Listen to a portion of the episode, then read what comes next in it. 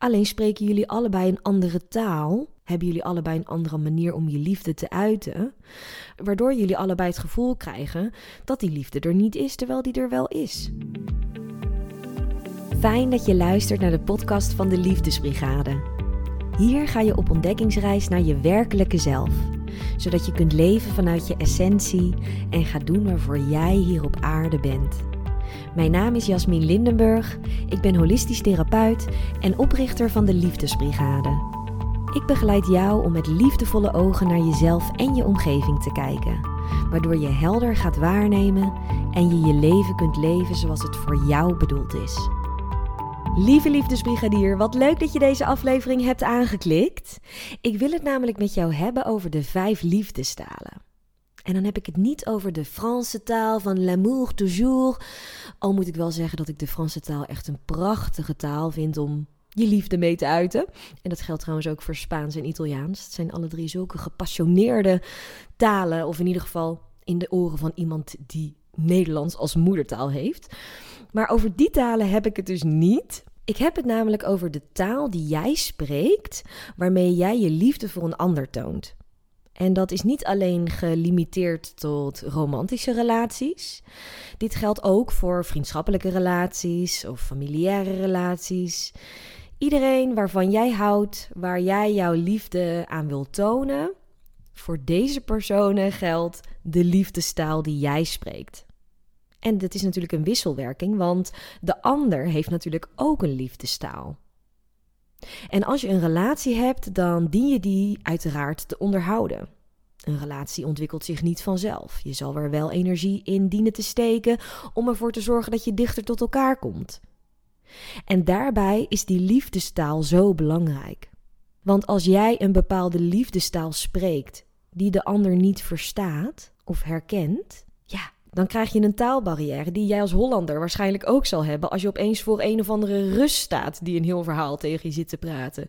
Dan denk je, ja, ik zie wel aan je hoe je erbij staat, maar ik heb totaal geen idee wat je zegt. En ik weet eigenlijk ook niet of je me nu leuk vindt of niet. Of ja, ik, ik, ik kan hier niks mee. Zullen we alsjeblieft uh, overgaan op Engels, want uh, dat spreken we volgens mij allebei.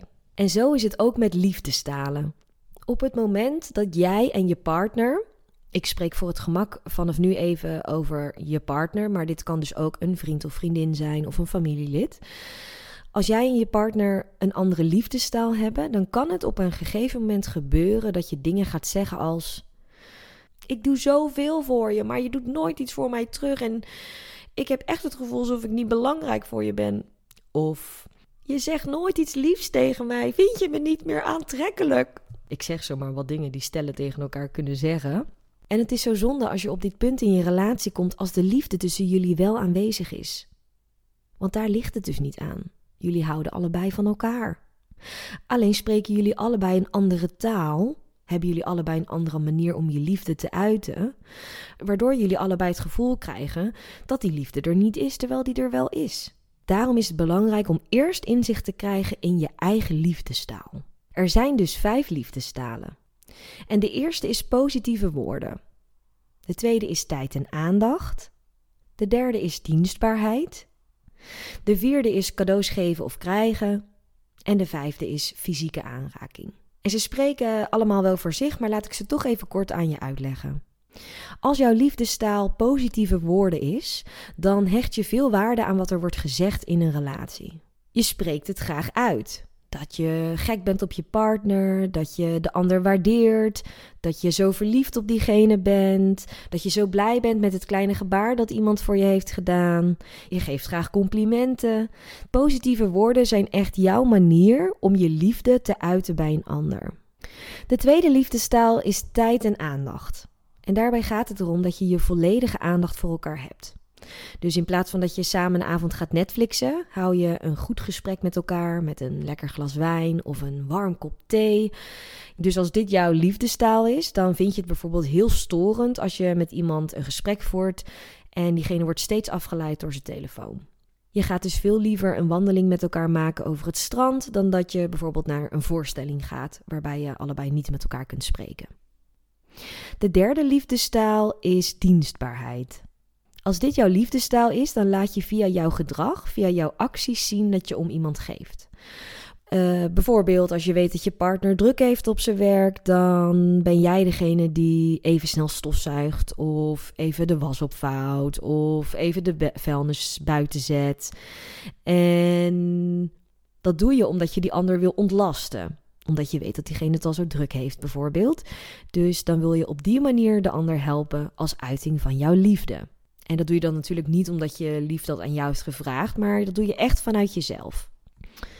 De vierde liefdestaal is cadeaus geven of krijgen. Het gaat dan niet om een heel duur horloge dat je bijvoorbeeld wil geven.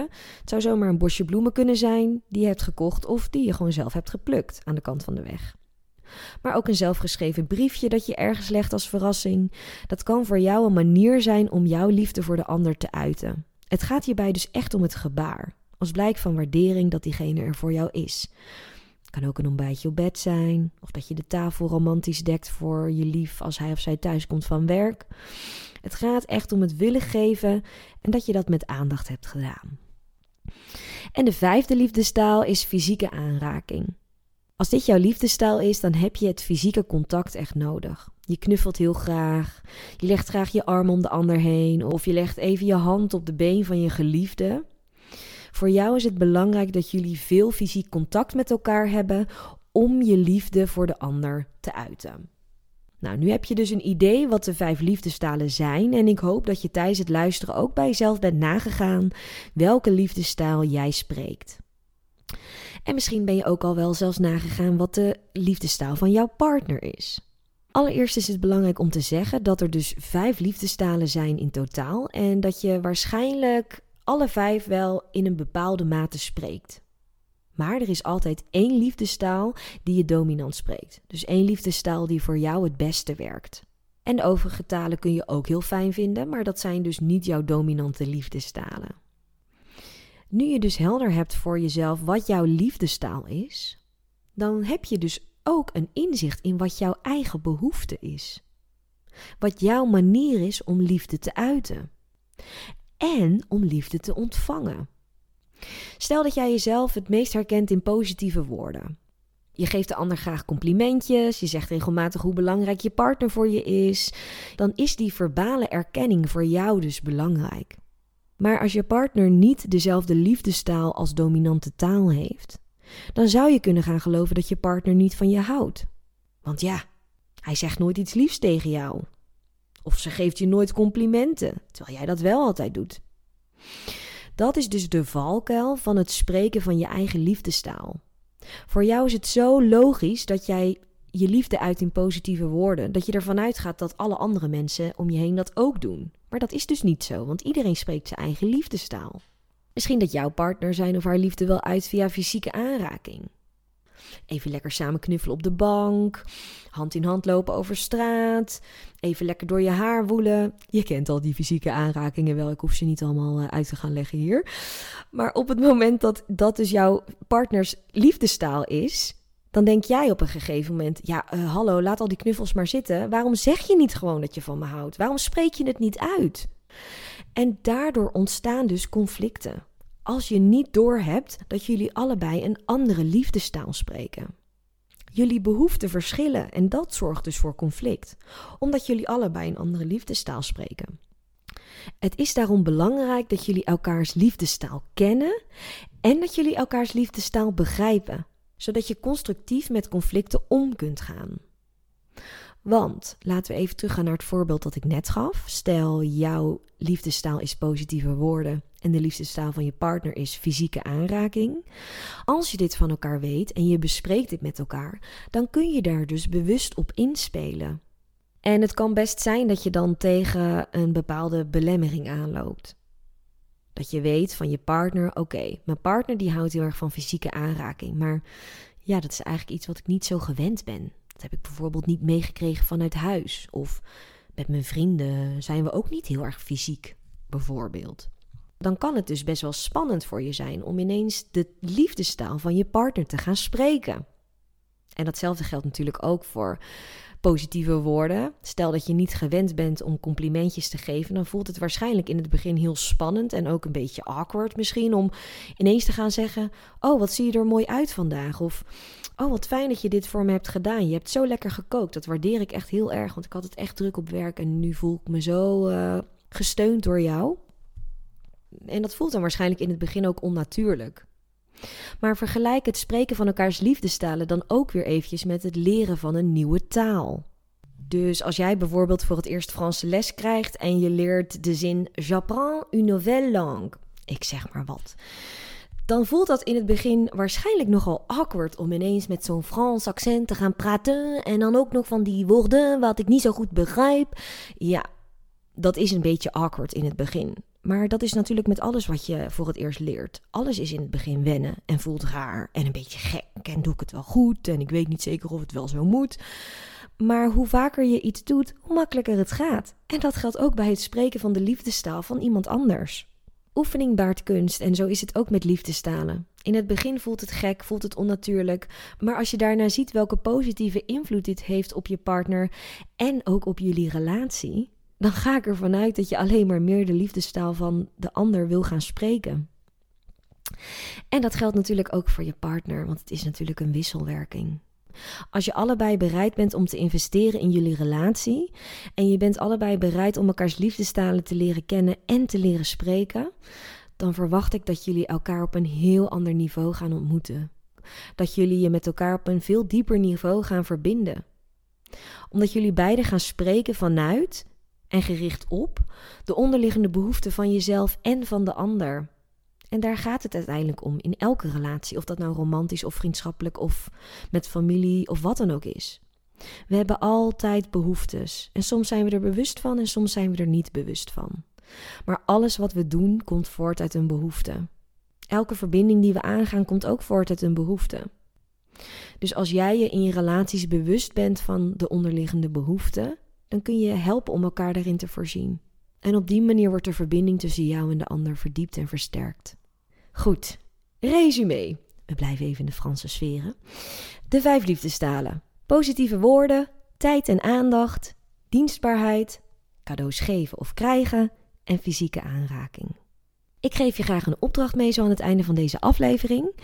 Maak een top 5 van de liefdestalen en zet daarbij jouw dominante liefdestaal op één, dus de taal die jij het liefst spreekt, om jouw liefde te uiten. En zet vervolgens daaronder de talen die jij het liefst spreekt, met op vijf dus degene die jij het minst spreekt. En als je een relatie hebt, vraag dit dan ook aan je partner.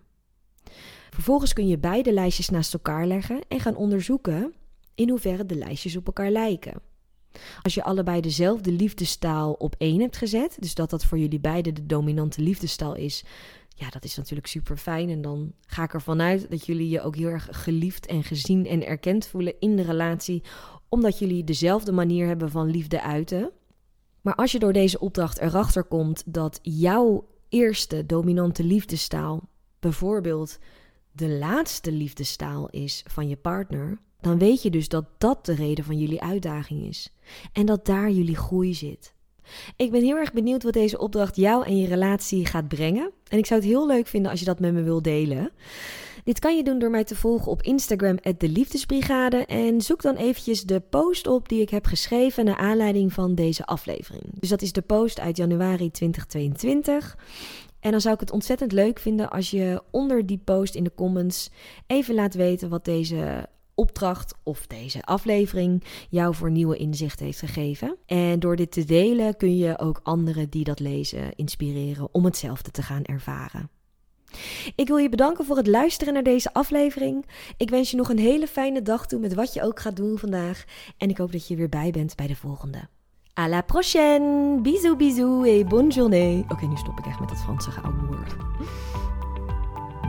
Ben jij er klaar voor om jouw werkelijke zelf te zijn en te leven vanuit je essentie? Inzicht zonder handeling brengt geen verandering. Boek daarom nu een matchgesprek waarin we samen kijken naar hoe jij je leven kunt leven zoals het voor jou bedoeld is. Je boekt jouw matchgesprek via de link in de show notes of op de liefdesbrigade.nl/slash matchgesprek. Laten we samen de wereld lichter maken en liefde verspreiden door liefde te zijn.